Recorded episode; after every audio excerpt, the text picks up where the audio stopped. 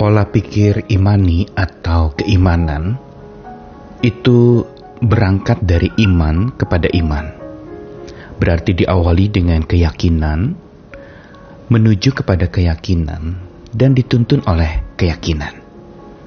Dan di sinilah sebenarnya bagaimana akal budi kita bukan dikendalikan oleh keyakinan kita terhadap diri kita sendiri. Bukan self-confidence, tetapi God's confidence. Satu keyakinan yang berlandaskan akan kuat kuasa Tuhan.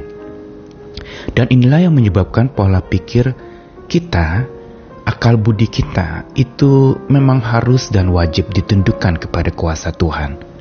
Sehingga setiap kali ada pikiran-pikiran yang muncul dari benak kita, kita harus uji di hadapan Tuhan karena tidak bisa pikiran kita berjalan sendiri tanpa tuntunan dan hikmat dari Tuhan. Begitu pula yang kedua adalah pola pikir imani itu bukan sekedar bicara soal berlandaskan kekuatan Tuhan, tetapi juga keteguhan pendirian. Karena landasan imani kita adalah Tuhan yang Maha Kuasa dan kuat itu, maka keteguhan pendirian kita pun itu berlandaskan kekuatan dan kuasa Tuhan. Di sinilah kemampuan kita untuk percaya tanpa goyah itu bisa terwujud nyata. Bila kita teguh berdiri dan kita punya keteguhan pendirian berlandaskan kuasa Tuhan. Sehingga iman kita pun bertumbuh bukan karena latah. Kita percaya bukan karena latah, ikut-ikutan tanpa kesungguhan. Karena saat kita latah, kita bisa jadi patah. Saya Nikolas Kurniawan kembali menemani di dalam Sabda Tuhan. Hari ini dua bagian firman Tuhan dari dua penulis yang berbeda. Yang pertama-tama adalah dari Yakobus pasal 1 ayat yang ke-6 sampai ke-8. Hendaklah ia memintanya dalam iman dan sama sekali jangan bimbang, sebab orang yang bimbang sama dengan gelombang laut yang diombang-ambingkan kian kemari oleh angin. Orang yang demikian janganlah mengira bahwa ia akan menerima sesuatu dari Tuhan. Sebab orang yang mendua hati tidak akan tenang dalam hidupnya. Atau saya bacakan dari versi mudah dibaca Yakobus 1 ayat 6 sampai 7. Bila kamu meminta sesuatu kepada Allah, kamu harus percaya. Jangan bimbang kepadanya. Orang yang bimbang sama seperti gelombang laut yang ditiup angin ke sana kemari. Orang yang bimbang tidak punya pendirian. Dia tidak dapat menentukan tentang sesuatu yang dilakukannya. Orang seperti itu janganlah berpikir bahwa ia akan menerima sesuatu dari Tuhan. Dan Efesus pasal 4 ayat yang ke-14 dan yang ke-15 saya bacakan. Sehingga kita bukan lagi anak-anak yang diombang-ambingkan oleh rupa-rupa angin pengajaran, oleh permainan palsu manusia dalam kelicikan mereka yang menyesatkan, tetapi dengan teguh berpegang kepada kebenaran di dalam kasih kita bertumbuh ke dalam segala hal ke arah Dia, Kristus yang adalah kepala. Dua sabda Tuhan ini mengingatkan kepada kita tentang terombang-ambingnya kita sebagai orang percaya. Yang pertama tadi di dalam kitab Yakobus itu diingatkan tentang bagaimana orang ketika meminta sesuatu kepada Tuhan, kita harus percaya tanpa bimbang. Dan digambarkan orang yang bimbang itu seperti gelombang laut yang ditiup angin ke sana kemari tidak punya pendirian dan dia tidak dapat menentukan tentang sesuatu yang dilakukannya. Orang seperti ini ibaratnya seperti orang yang memang latah. Hanya ikut-ikutan saja dia percaya. Tidak punya pendirian yang pasti. Ikut pendirian orang lain. Percaya karena orang lain percaya, bukan karena dari dalam dirinya sendiri ia percaya. Dan dampaknya adalah orang-orang yang penuh dengan kebimbangan dan terbiasa latah terhadap segala sesuatu atau ikut-ikutan tanpa kesungguhan. Dikatakan jangan berpikir bahwa ia akan menerima sesuatu dari Tuhan. Karena hatinya yang mendua.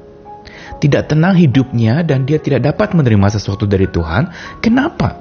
Karena orang yang latah imannya itu tidak bersandar dan berserah kepada Tuhan. Dia mengharapkan justru lebih banyak dari manusia. Dia tidak menerima sesuatu dari Tuhan bukan karena Tuhan gak memberikannya, tapi karena dia lebih harapkan manusia daripada Tuhan. Dia lebih harapkan pertolongan dari sekelilingnya, orang-orang yang terdekat dengannya untuk bertindak dan dia menuntut orang itu untuk menolong dia, tetapi dia tidak tengadah dan melihat kepada kuat kuasa Tuhan. Padahal iman yang sungguh-sungguh solid dan konkret itu berlandaskan kekuatan dan kuasa Tuhan. Seperti yang tadi saya katakan. Namun ketika kita latah, kita siap-siap patah. Maksudnya apa? Karena tanpa keteguhan pendirian, iman yang jadi latah dan ikut-ikutan tanpa kesungguhan, saat ujian datang, maka imannya itu mudah jatuh, terpuruk tidak percaya lagi, penuh dengan keraguan bahkan meninggalkan Tuhan. Kenapa? Karena fondasi percayanya bukan kepada Tuhan, tapi kepada apa kata orang.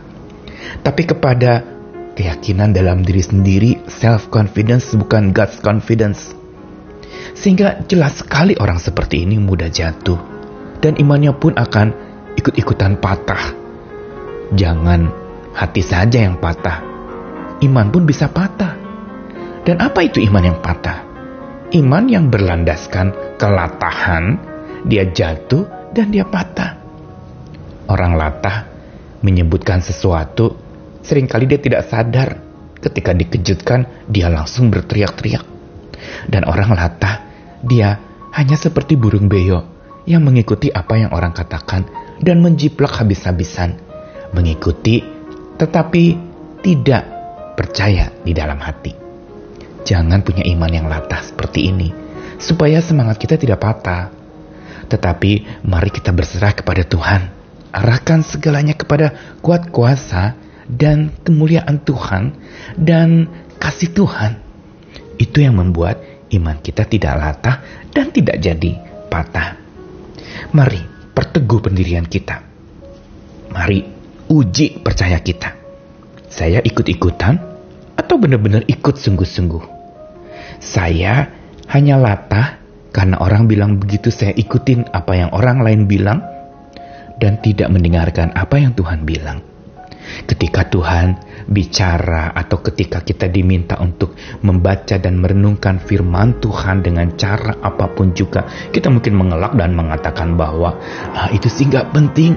Itu sih hanya urusan hamba-hamba Tuhan, pendeta, rohaniwan, penginjil. Saya emang nggak perlu. Saya ikut aja deh apa yang dikatakan pendeta. Kalau iman semacam ini yang bertumbuh, inilah iman yang latah.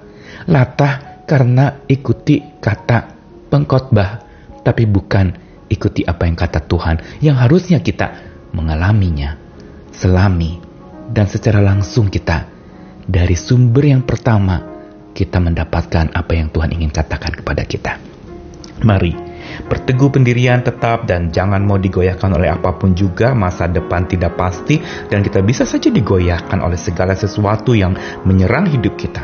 Tapi teguh berdiri dan berteguh pendirian kita kepada Tuhan. Selamat berjuang lagi, jangan mudah menyerah kalah, jangan mau jatuh dan patah karena kita latah. Berserahlah senantiasa. Amin.